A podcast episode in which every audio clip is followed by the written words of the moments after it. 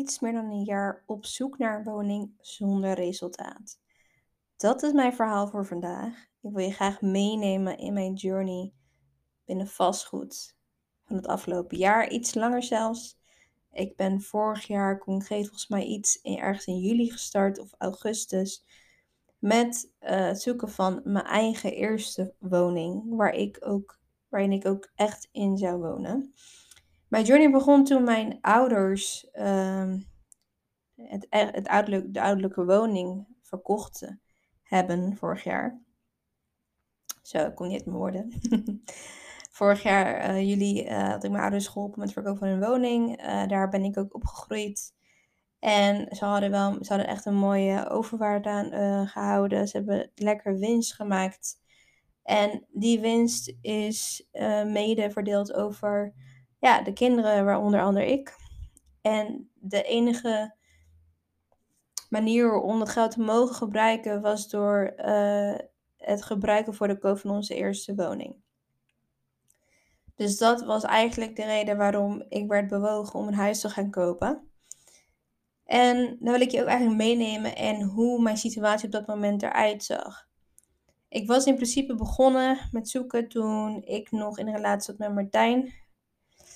Uh, maar het ging niet zo goed tussen ons. Dus um, wij gingen ook op een gegeven moment uit elkaar. En ik zat toen in een fase dat ik gewoon eigenlijk nou, wilde gaan bouwen, vermogen wilde gaan bouwen, opbouwen. Omdat ik ja, daar gewoon heel erg op gesteld ben. Ik ben gesteld op uh, het opbouwen van verschillende inkomstenbronnen. Of gewoon vermogen. En ik hield me al bezig met in het daytraden en investeren in crypto of het daytraden in forex. En vastgoed was voor mij gewoon de volgende stap. Daarnaast kreeg ik een hele toffe opdracht uh, bij een institutionele belegger. Dus ik had zoiets van, weet je, ik moet gewoon de kans pakken die ik nu krijg van mijn ouders om te gaan starten. Maar een jaar geleden verdiende ik ook echt een stuk minder. Dus mijn capaciteit om te lenen was veel minder. En ik was natuurlijk alleen. Je moet eens bedenken dat vorig jaar de markt zo hard was dat je gemiddeld gewoon soms tussen de 50.000 euro aan een ton kon worden overboden. Zo gek was het. Dus kwam ik maar niet aan een huis. Ik had, een beperkt, ik had beperkte mogelijkheden, ook financieel. Ik was in mijn eentje. En ik had ook, ik kon ook gebruik maken van een, ja, een beperkt bedrag, zeg maar. Nou, zo beperkt is het niet, maar op dat moment leek het letterlijk peanuts vergeleken met wat ik uh, ja, kon krijgen. Of waar ik op hoopte dat ik zou, wat ik zou krijgen. Want let's be honest, voor je beeldvorming woon ik in Den Haag. En uh, nou, ik woon in Leidse Veen, dat is bij Voorpark. Uh, als je dat niet kent, dat is dichtbij ja, het ADO-stadium. Als ik het goed zeg, ja toch? Um, en daar zijn huizen of appartementen, ben ik op dit moment. En daar zijn appartementen uh, gemiddeld vanaf 4 ton. In die periode was het appartement waar ik in woon ongeveer rond de 3,5 ton um, te kopen. Maar ja, het appartement waar we nu in wonen, ja, dat, dat is uh, van een belegger. Dus die wil het niet verkopen. Die wil het gewoon voor de lange termijn vasthouden. Dus geloof me, die optie hebben we geprobeerd. En ik praat over we, omdat Martijn en ik inmiddels weer bij elkaar zijn. Alweer uh, een post. Dus we zijn ook verder gegaan samen in die zoektocht. Maar voordat ik weer, bij, weer met Martijn verder ging, was ik, was ik echt circa een half jaar aan het zoeken voor mezelf. En ik had geen idee waar ik moest beginnen. Het eerste wat ik had gedaan is uh, het inschakelen van een aankoopmakelaar. Um, of ik dat kan aanraden. Ik heb daar mijn gemixte gevoelens over, nu dat ik een jaar verder ben. Um, ik werk op zich met een prima makelaar. Dat was ook de makelaar die uh, ja, het huis van mijn ouders heeft verkocht. Dus daar ben ik ook super dankbaar voor natuurlijk. Maar om hem dan te hebben als aankoopmakelaar is toch een ander verhaal. Um, ook omdat ik gewoon niet wist wat ik wilde. Dus ik begon letterlijk alsof ik gewoon echt in een hoop. ik begon echt te zoeken naar een woning. Alsof ik ergens in een, in een hoopje vol spelden was beland. Ik had geen idee wat ik wilde. Dus ik dacht, nou laat me gewoon starten. Laat me gewoon kijken. Laat me gewoon reageren op woningen en kijken waar ik beland. Dat was mijn eerste insteek. Omdat ik oprecht geen idee had. Waar ga ik wonen? Ik had ook nog eens um, de overweging om te gaan verhuizen naar het buitenland. En dan zou ik eventueel een woning kopen om die dan uh, te laten onderverhuren. Maar ja, puur omdat ik natuurlijk niet wist wat ik wilde, kreeg ik het natuurlijk ook niet. Daar geloof ik in ieder geval heel sterk in. Mijn, uh, laten we zeggen, zoektermen, mijn, mijn beeld over wat ik zou willen, dat ging zich langzamerhand iets vormen. Dat werd gewoon op een gegeven moment iets. Op een gegeven moment dacht ik, nou, ik zie mezelf wel in een appartement wonen met een balkon. En dan het liefst bijvoorbeeld uh, richting, uh, waar was het? Richting uh, bijvoorbeeld Zegbroek of uh, richting, um, dat is een buurt in Den Haag. of iets verder dan het Zuiderpark. In ieder geval een beetje richting Scheveningen, zeg maar. Niet helemaal in Scheveningen, maar dat was voor mij sowieso niet te betalen. Maar ik dacht ergens in die buurt.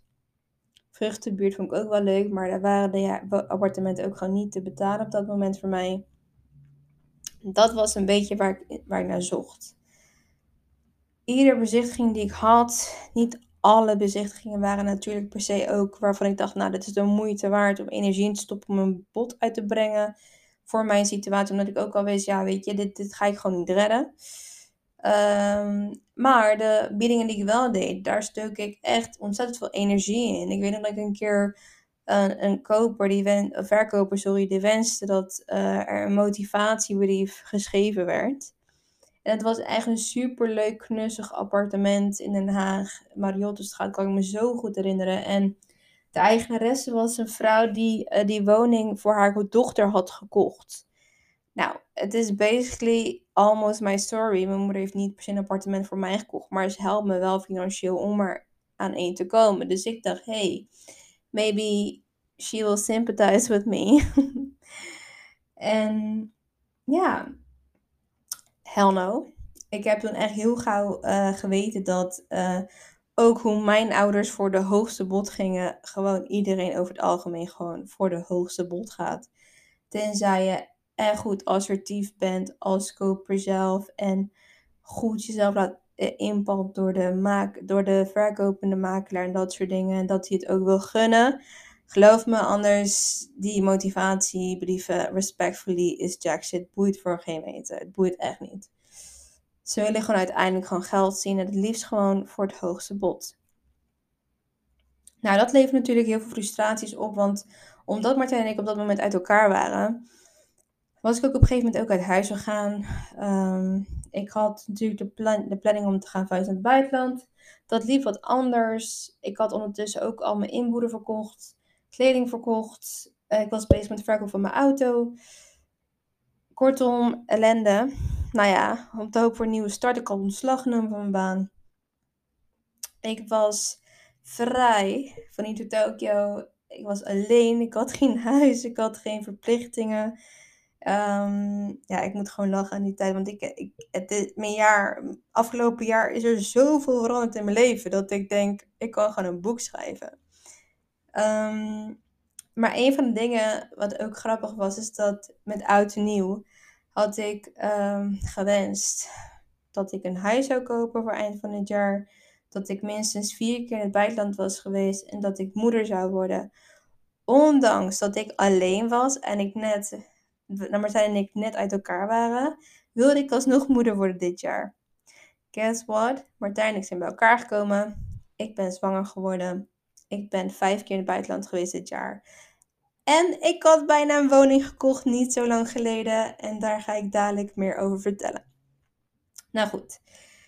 De fase waar ik dus in zat, ik was dus alleen. Ik had eerst mijn voorkeur in Den Haag. Uh, ik merkte heel erg dat ik het heel moeilijk vond om naar een andere stad te gaan. Want ik ben dan een keer helemaal naar het buitenland uh, verhuisd. Ik, uh, voor je beeldvorming op mijn zeventiende woonde ik in Colombia. Ik, heb, ik woonde toen destijds zes jaar in Colombia. Ik heb daar mijn middelbare school afgerond en ik kwam terug naar Nederland. Dus ik had weer in Colombia alles achtergelaten. Maar daarvoor was ik opgegroeid in Nederland. Dus ik had zeg maar, uh, het klinkt, gaat een beetje van een hak op de tak, dat snap ik. Maar ik ben dus in Colombia geboren, concreet. Toen ik zes maanden was, uh, verhuisden mijn ouders naar Nederland samen met mij natuurlijk. Toen van mijn zes maanden tot aan mijn elfde jaar woonde ik in Nederland. En toen verhuisden wij als gezin weer terug naar Colombia. Maar ja, mijn hart lag nog steeds in Nederland. Ik ben in de basis gewoon Colombiaans. Colombiaans genus, alles. Ik ben geen halfbloedje. Maar mijn hart was altijd in Nederland. Mijn mindset, mijn gedrag, mijn normen en waarden waren gewoon heel Nederlands. Dus ik zag mezelf daar niet wonen. Ik zei ook tegen mijn moeder op mijn 15 al 14e mam, als ik mijn high school of middelbare school afgerond, ga ik terug naar Nederland. Want ja, weet je, dit is gewoon niks voor mij. Zo gezegd, zo gedaan. Ook toen heb ik alles moeten achterlaten. Toen ik op mijn elfde naar Colombia ging, wat heel abrupt ging, heb ik ook toen alles moeten achterlaten. Dus ik had zoiets van, weet je, dit keer wil ik het anders doen. Als ik mijn eerste woning koop, mijn eerste huis, mijn eerste home, dan wil ik in ieder geval dat het een plek is waar ik nog ja, ehm, vrienden, familie, kennis heb waar ik omgeef in de buurt. Dat ik niet te ver afgeleverd ben. Want op een gegeven moment, dat verwatert heel erg in de loop van de jaren. En ik wilde gewoon mijn basis nog steeds in Den Haag hebben. Ik geloof me, ik heb gezocht in Amsterdam, Amstelveen, Rotterdam. Uh, echt omstreken toen ik in een fase zat dat ik nog alleen was. Ik heb in Den Haag gezocht, echt overal. Ik heb echt, wellicht op dit moment zit ik zeker op misschien bezichtiging 70 of zo. Ik heb zoveel woningen bezichtigd, maar dat, ik heb ook zoveel geleerd. En op een gegeven moment uh, voor, voor beeldvorming, ik zou verhuizen naar Dubai. En ik had zo goed een appartementje daar, dat zou ik gaan huren. Maar daar waren ook allerlei ogen en haken vast. Daarnaast had ik ook al geregeld dat iemand me zou helpen om het regelen van mijn citizenship in Dubai. Wat niet per se goedkoop en makkelijk is. Dus um, totdat ik heel erg besefte dat ik eigenlijk alleen maar aan het wegrennen was van mijn eigen realiteit. En dat ik eigenlijk de plicht naar mezelf had om eerst mijn shit te fixen. Um, dus toen heb ik radicaal besloten om toch in Nederland te blijven. Maar ja, ik was basically dakloos. uh, ik leef niet letterlijk op straat hoor. Ik heb toen een tijdje bij mijn broertje gewoond. Toen een tijdje bij een oude vriendin waar ik heel dankbaar voor ben. En in die periode kwamen Martijn en ik weer bij elkaar. Niet omdat ik een woning nodig had, just for your information. Want ik had prima mijn eigen appartement kunnen huren. Alleen de reden dat ik natuurlijk bij mijn broertje en bij die vriendin was gaan wonen, was omdat ik natuurlijk weg zou gaan. Ik had alles verkocht. Dus het was voor mij nonsens om dan ten eerste het appartement wat we toen hadden nog hebben op dit moment stond om bijna naam. Dus omdat ik weg wilde, dacht van weet je wel, ik ga wel weg, blijf jij maar hier. En we hebben natuurlijk ook de katten, dus ik was toen weggegaan.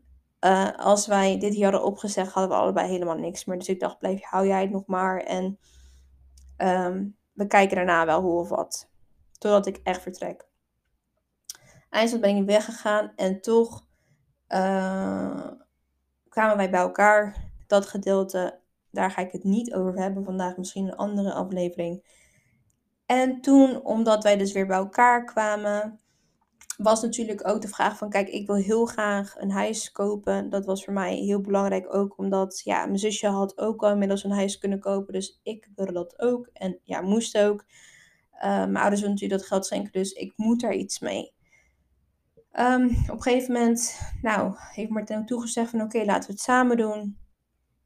Nou, dus de eerste stap uh, in heel het vastgoedgebeuren is natuurlijk je aankoopmakelaar regelen. Als je dat zou willen, een aankoopmakelaar hebben is niet per se verplicht. Uh, ik geloof ook als je gewoon goed netwerk hebt en je bent goed geïnformeerd, alles erop en eraan, dan kan je het best zonder doen. Uh, maar in mijn situatie stond ik er echt oprecht helemaal alleen voor. En ja, ik heb wel verstand van dingen, maar ik had zoiets van, ik heb het voelde, het voelde toch fijner om een aankoopmakelaar te hebben. Um, de tweede stap in dat proces is op zoek gaan naar een hele goede financieel adviseur. Ik heb echt een top van een gast. als financieel adviseur. Ehm, en hij heeft me echt iedere stap begeleid. Hij heeft me echt gewoon inzicht gegeven in mijn financiële situatie. Hoe ver kan ik lenen? Wat is verstandig? Wat is niet? Hij keek ook mee met de woningen. Hij dacht ook mee. Uh, hij ging ook echt meedenken met wat, ja, wat verstandig is om te bieden, bladibla. Um, maar ja, weet je, op een gegeven moment veranderde mijn situatie. In plaats van dat ik in mijn eentje ging kopen, ging ik nu met Martijn kopen. Dus daarmee kreeg ik ook veel meer mogelijkheden. Niet alleen dat, ik ben dit jaar veel meer gaan verdienen. Mijn salaris is echt uh, verdubbeld dit jaar. Dus um, in die zin hebben we ook veel meer mogelijkheden gecreëerd om meer te kunnen lenen, om aan meer vermogen te kunnen komen. En om een huis te kopen is natuurlijk afhankelijk van wat jouw doel is. Kijk, op dit moment is, ging, gaat het om mijn eerste woning. De eerste woning die ik wil kopen, om daar ook daarin daadwerkelijk te, uh, te wonen. Maar je hebt natuurlijk ook de mogelijkheid om een beleggingspand te kopen. Um, en dan zou je voor een heel ander soort hypotheek in aanmerking kunnen komen, bijvoorbeeld een beleggingshypotheek. En dan wordt er heel anders gekeken naar de financiële situatie um, dan dat je koopt voor jezelf om daadwerkelijk daarin te wonen. Dat zijn twee verschillende grondslagen. Hoe meer ik mezelf ging verdiepen binnen vastgoed, hoe meer ik gefascineerd werd. Ondanks, het, ondanks het feit dat ik gewoon tot op heden nog geen huis heb kunnen kopen, leer ik elke keer gewoon heel veel van ja, vastgoed op zichzelf. Um, we moeten natuurlijk ook uh, in, in, in aanmerking nemen dat de markt is ontzettend veel veranderd. Daar waar een jaar geleden uh, ik van tussen de 50.000 euro aan ton werd overboden, is er op dit moment geen sprake van. Ik wil niet zeggen niet meer, want er wordt nog wel overboden, maar de bedragen zijn een stuk minder hoog. En dat zorgt ervoor dat nu de koper iets meer de touwtjes in handen heeft op het moment van het kopen. Bijvoorbeeld, laatst hadden wij een woning. Uh, die, die, daar werd ook uh, onze bod was ook geaccordeerd. De, koper, de verkoper ging akkoord met ons bod. We hadden een woning, we hadden ondertekend. Maar normaal gesproken ga ik naar alle bezichtigingen. Maar omdat ik best wel wat complicaties heb gehad in mijn zwangerschap, had ik dat verteld dat ik zwanger ben? Ja, had ik verteld.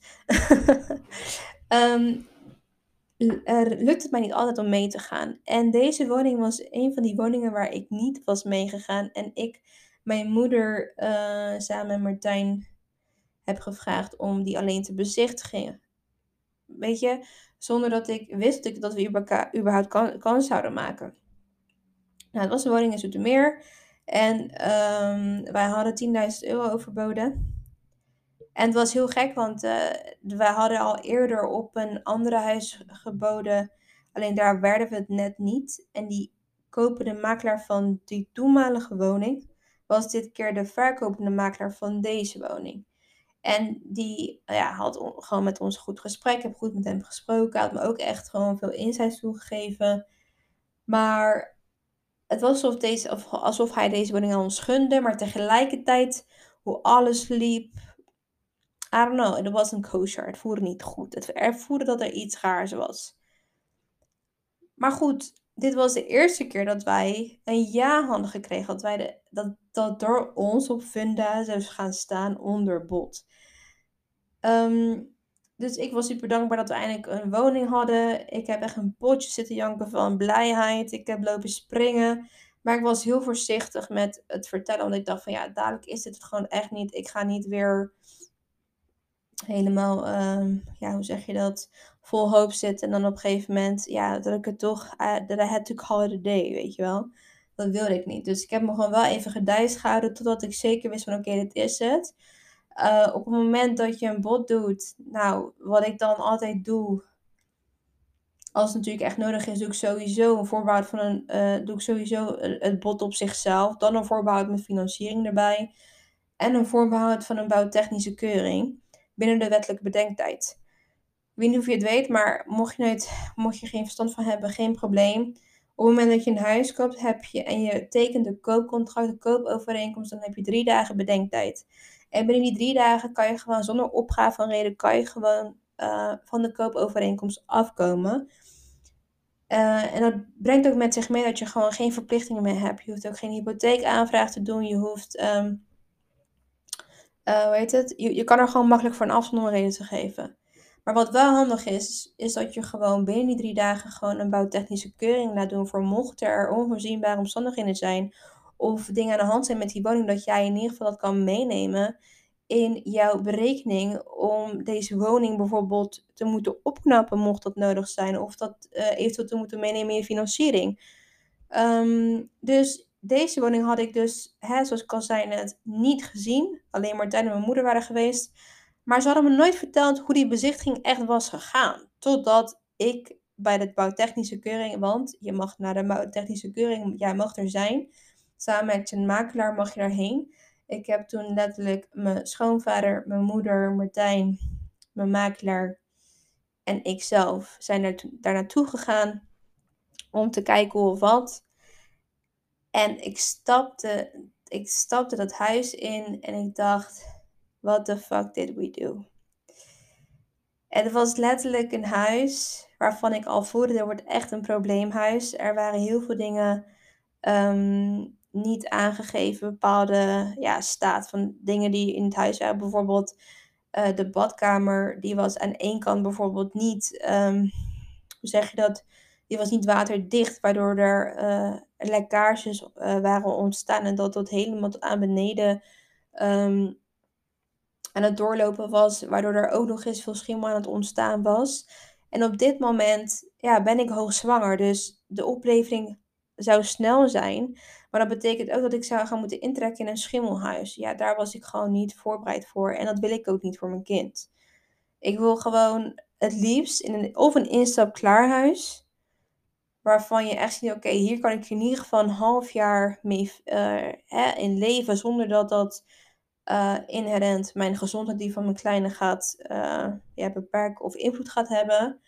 Of we pakken een opknaphuis uh, en dan kunnen we daar dan nog mee rekening houden. Maar het is natuurlijk wel afhankelijk van wat we bieden, wat de prijs van een woning is, wat, wat dan op dat moment financieel haalbaar is. Maar deze woning werd echt verkocht alsof het een soort van instap klaar was. Dus dat maakte me echt boos. Want ik dacht echt, ik dacht, wij kunnen hier, want de levering was afgesproken om, voor 19 december. Dus eigenlijk voor eind van het jaar zouden we een woning hebben. Maar ja, toen toen, naar aanleiding van die bouwtechnische keuring, kwamen ook nog meer andere dingen naar voren. Waardoor die woning ons echt uh, ja, best wel wat ging kosten.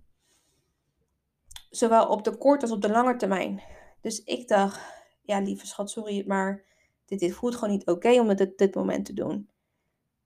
Um, dus wij hebben van deze woning afgezien.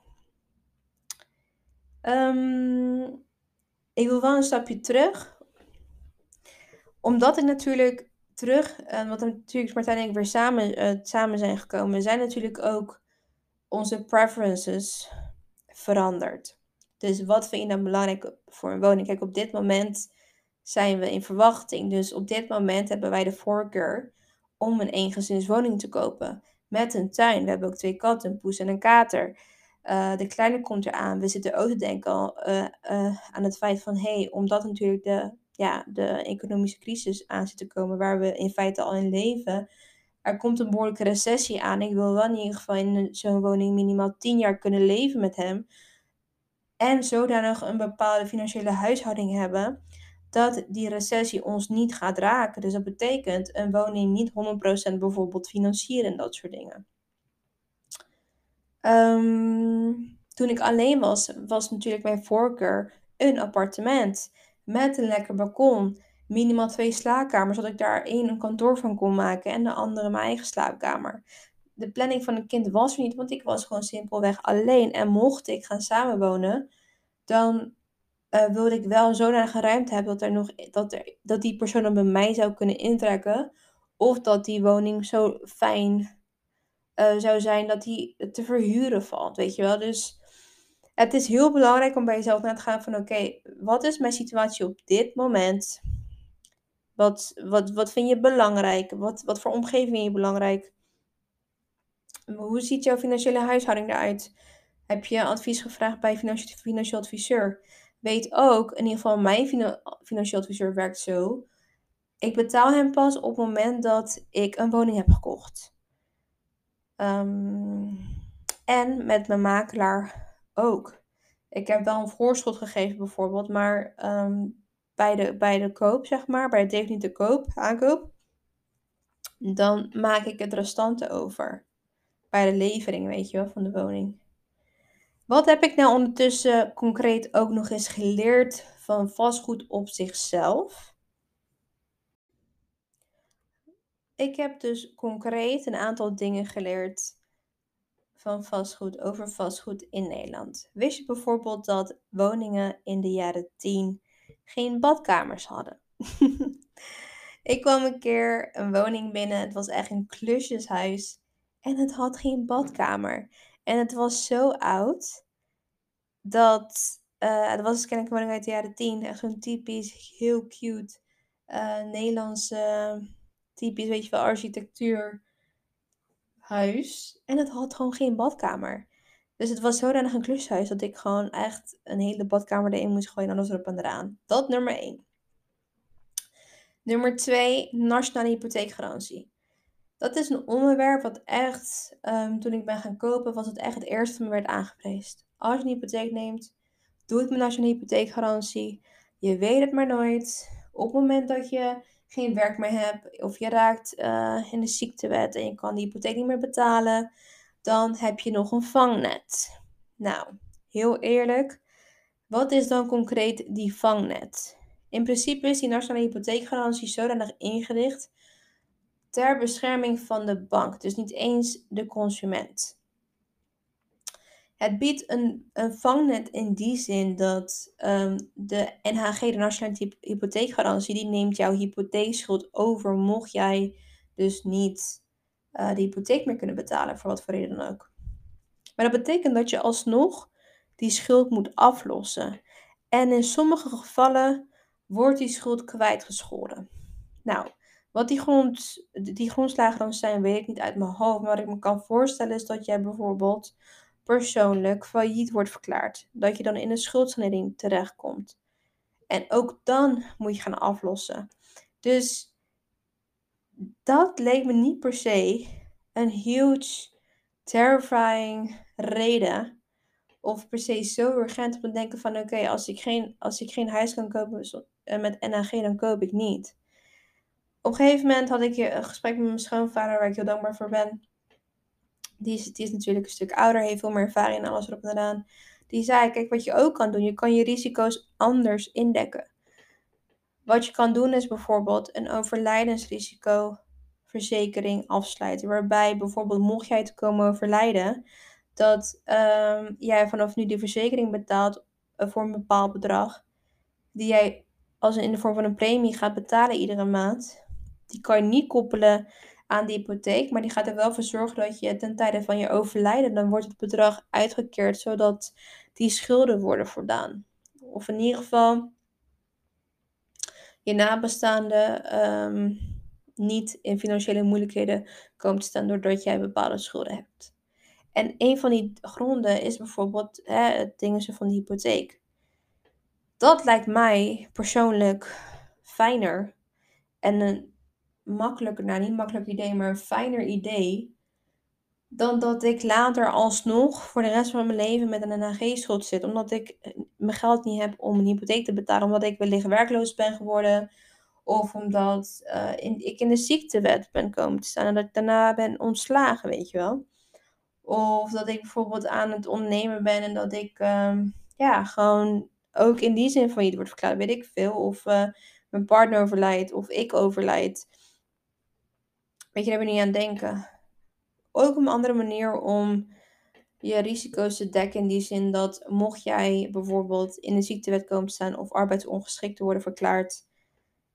Om een arbeidsongeschiktheidsverzekering af te sluiten. Want dat is een verzekering die gaat ervoor zorgen dat jij alsnog doorbetaald wordt. Afhankelijk natuurlijk van het risico dat je wilt dekken.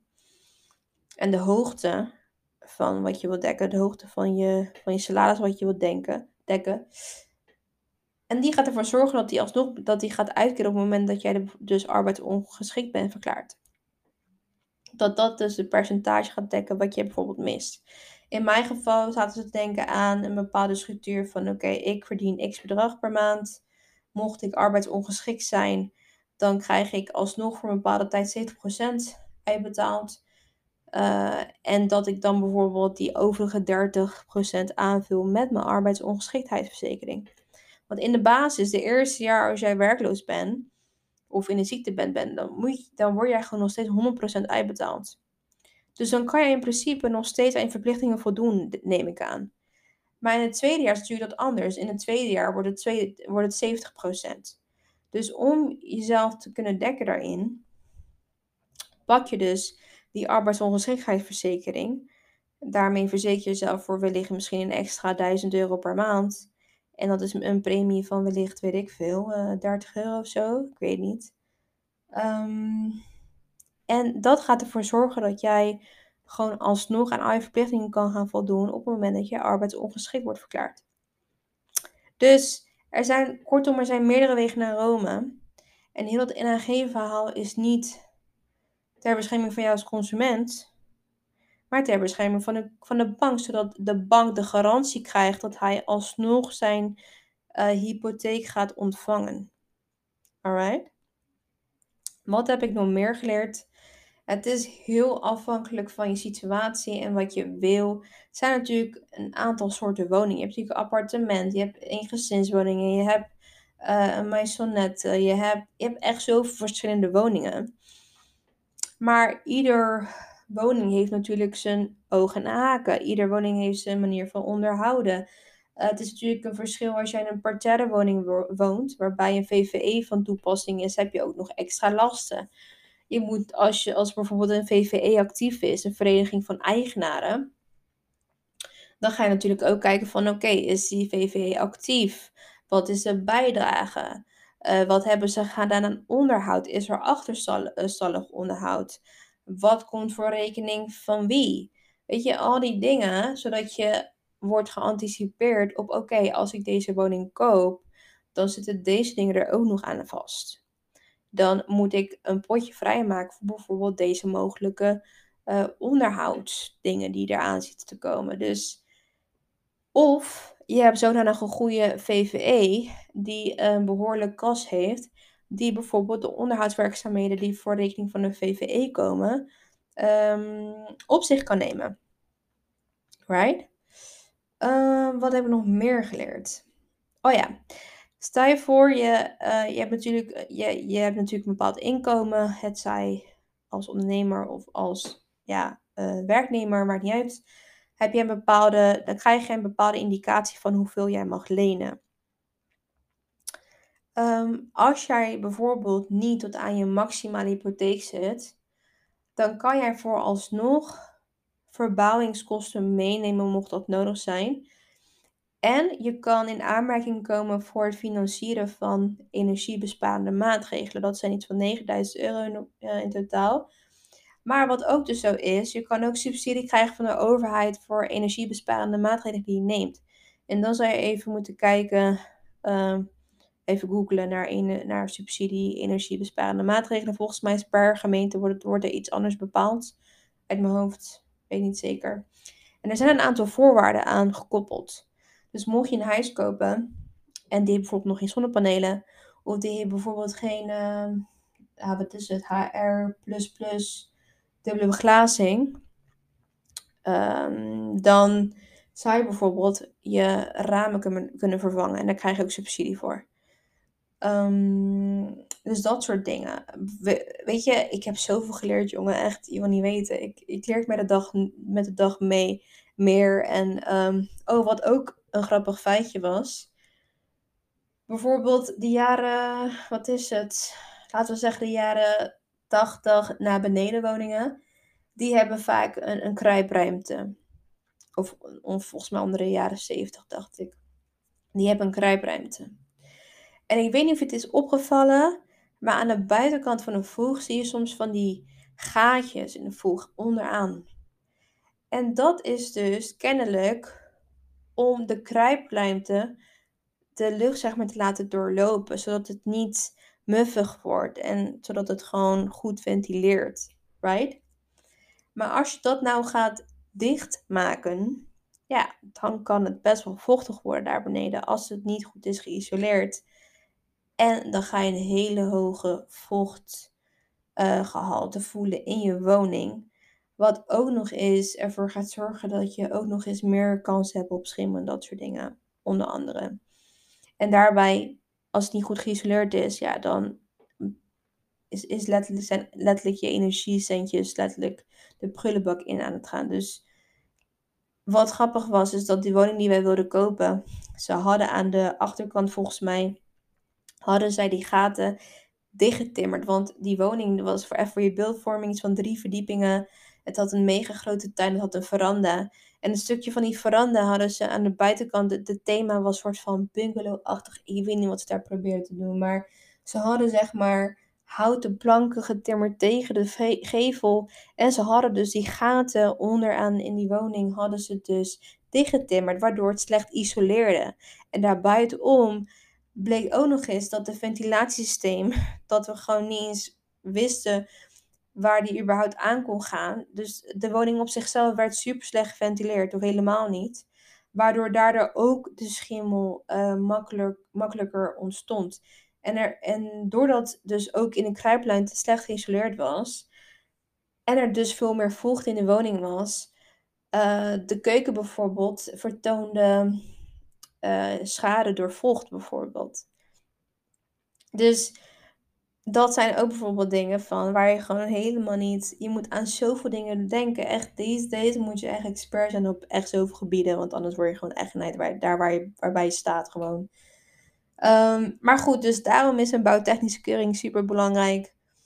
Um, niet gierig zijn, gewoon doen. Je weet maar nooit wat, er, wat, wat een woning kan hebben. En ten alle tijde heb je natuurlijk als koper ook je eigen onderzoeksplicht. Want wil je, stel je voor je koopt een woning en uh, binnen zes maanden volgens mij, uh, als ik het goed uit mijn hoofd weet, correct me if I'm wrong. Want ik was echt chef eigendomsrecht. Dat is een, een, een vak binnen rechten. Uh, ik heb natuurlijk recht gestudeerd, dus vandaar. Maar als het goed is, kan jij je binnen een bepaalde tijd beroepen op, ehm, hoe noem je dat? Op de kortkoming en de nakoming volgens mij op het moment dat een woning eh, niet voldoet of zo, of ergens in trant, ik weet niet meer. En dan moet je aantonen dat die woning gebreken toont. En dat het moet gaan uh, vanwege bijvoorbeeld achterstallig onderhoud. Of dat de verkopende partij het heeft verzwegen terwijl hij het had moeten vertellen. Dus daarom is het heel belangrijk dat je die bouwtechnische keuring doet. Om dit soort dingen te voorkomen. Want je, hebt, je kan beter zo'n dikke schadepost ja, voorkomen. En daarbij, mocht, er, mocht je iets ontdekken binnen een half jaar dat je daar woont of een jaar, ik weet even het er maar niet uit mijn hoofd. Weet je wat voor hoofdpijn het is om te gaan procederen? Serieus. Procederen is letterlijk gewoon oké, gaat het wat opleveren tegenaan, ten aanzien van het geld wat ik er tegenaan ga gooien? Want eerlijk, procederen is ook echt een kostenpost. Maar goed, dat terzijde. Dus super belangrijk. Wat ook interessant is om over na te denken. Uh, elke keer als ik aan iemand vertel, ja, ik ben op zoek naar een woning, ik wil nu kopen, eerste woning, whatever, krijg ik altijd, waarom ga je godsnaam niet kopen? En ik ga nu met je delen waarom ik nu juist wil kopen en waarom ik gewoon niet ga stoppen dat ik een huis heb. De reden daarvan is het volgende. Het is bewezen dat bijvoorbeeld de woningmarkt of de waarde van de woning ten alle tijden op de lange termijn blijft stijgen. Als je kijkt naar de jaren 20 van wat een woning toekomst, toen kost naar wat het nu kost, dan zie je over het algemeen, ondanks dat er crisissen hebben plaatsgevonden, dat er recessies hebben plaatsgevonden, want dat hebben we zelfs al meegemaakt, niet zo lang geleden, um, is het, is het, is het is het zichtbaar dat de waarde van de woningen altijd zijn gaan stijgen. Ook al is het een kleine stijging of een grote stijging, het stijgt altijd. Ja, dat de markt gaat corrigeren, daar ben ik het met je eens. Hoeveel, weet ik niet. Ik ben geen heks, I'm not a wizard. But, long-term thinking, de woningen gaan altijd of zullen blijven stijgen in waarde. En vastgoed, real estate, is een real asset. Het is iets wat, wat tastbaar is. Het is het meest stabiele om, om in te investeren, basically. The thing is, ieder markt wordt bewogen door sentiment, door de emotie van de mensheid, door de emotie van de maatschappij. En natuurlijk zitten we nu in de emotie van dat men voorzichtiger is. Hè, een jaar geleden had je de gekte van de markt waarbij um, de, die werd overboden. Uh, dat de huizenprijzen onwijs waren gestegen. Uh, maar daartegenover stond ook dat de rente heel laag was. Mijn zusje heeft vorig jaar huis gekocht, of begin dit jaar, volgens mij. Die heeft gewoon tegen 1% geleend. Ik zit nu, ik heb laatst een renteaanbod gekregen van 4,68%. Maar daar is ook een dingetje erbij. Wist je dat jij die renteaftrek iedere maand, als je daarvoor kiest, je kan het ieder, je kan het om de jaar laten uitkeren door de Belastingdienst, want die is aftrekbaar. Die krijg je dus terug van de Belastingdienst. Of je kiest ervoor dat je dat elke maand uitgekeerd krijgt. Dus in feite gaat het om wat je ook netto aan de hypotheek betaalt. Het is natuurlijk ook weer een ander verhaal wat voor hypotheek je hebt. Je hebt allerlei verschillende soorten hypotheken. Daar ga ik niet op in. Maar ten aanzien van die renteaftrek, je betaalt in feite bruto een x-bedrag. En daarvan krijg je die rente dus terug van de Belastingdienst. Ieder jaar of iedere maand afhankelijk wat je kiest. Dat is dus nog iets. Weet wel, natuurlijk, geld lenen kost geld. Dus het is niet dat, je, hè, um, dat het gratis is. Als je een hypotheek aangaat, ja, dan ga je ook betalen over hetgeen wat je leent. En dat is dus in dit geval de rente. Dat is de vergoeding die de bank krijgt in ruil voor het lenen van het geld aan jou. Maar wist je ook dat um, het verschaffen van die hypotheek aan jou vanuit de bank, dat dat voor de bank betekent dat zij gewoon weer geld hebben gecreëerd. Ze hebben gewoon meer geld kunnen printen. Doordat jij een hypotheek hebt aangevraagd. Ook dat is een diep onderwerp waar ik het nu niet over ga hebben. Maar ik wil je even aan het nadenken zetten. Ik neem even een slokje water, want ik ben nu inmiddels al drie, drie kwartier aan het praten. En wat ik je, uh, de laatste twee dingen die je wil meegeven ten aanzien van mijn vastgoedjourney, wat ik heb geleerd, is. De ene laatste is dat de kosten koper kan jij, uh, die, zijn die zijn aftrekbaar. Of het 100% is, weet ik even niet in mijn hoofd.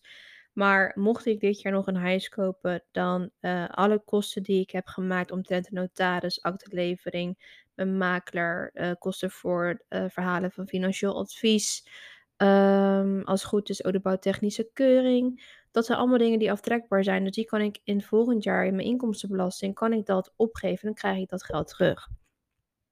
Het laatste wat ik je met je wil delen. Ik had natuurlijk verteld dat ik bijvoorbeeld een, uh, een x-bedrag aan schenking uh, heb ontvangen van mijn ouders voor het kopen van een woning. Zodat ik een hulp krijg uh, om ja, meer kans te maken binnen deze markt. Maar er zitten natuurlijk ook voorwaarden aan vast. Want wist je dat dit jaar de grens voor het in aanmerking komen van deze vrijstelling van schenkingbelasting met name het specifiek schenken aan een kind voor het kopen van zijn eerste woning. Dat heet de jubelton. En daar zijn een aantal voorwaarden aan verbonden. Dit jaar uh, voor 20, voor 2022 uh, is uh, de vrijstelling gesteld op volgens mij 116.000 euro en nog wat. Maar per 1 januari daalt die naar 27.000 euro en nog wat. Ik weet het niet uit mijn hoofd. Google het even. Dat betekent dat alles wat jij in 2022 nog kan ontvangen van je ouders voor het kopen van je eerste woning uh, belastingvrij is. Tot aan 116.000 euro. En per 21 januari is het slechts tot en met 27.000 euro nog wat. Dus hou daar je voordeel mee. En uh, dat gezegd hebbende, zit er ook nog een voorwaarde aan vast. Dat je bijvoorbeeld dus dat geld alleen maar mag besteden voor dus één, het aankopen van je woning, van je eerste woning. Het renoveren van je woning. Um, ja, het renoveren. Uh, er zijn een aantal dingen die je echt. Er moet echt in een woning, zeg maar, geïnvesteerd worden.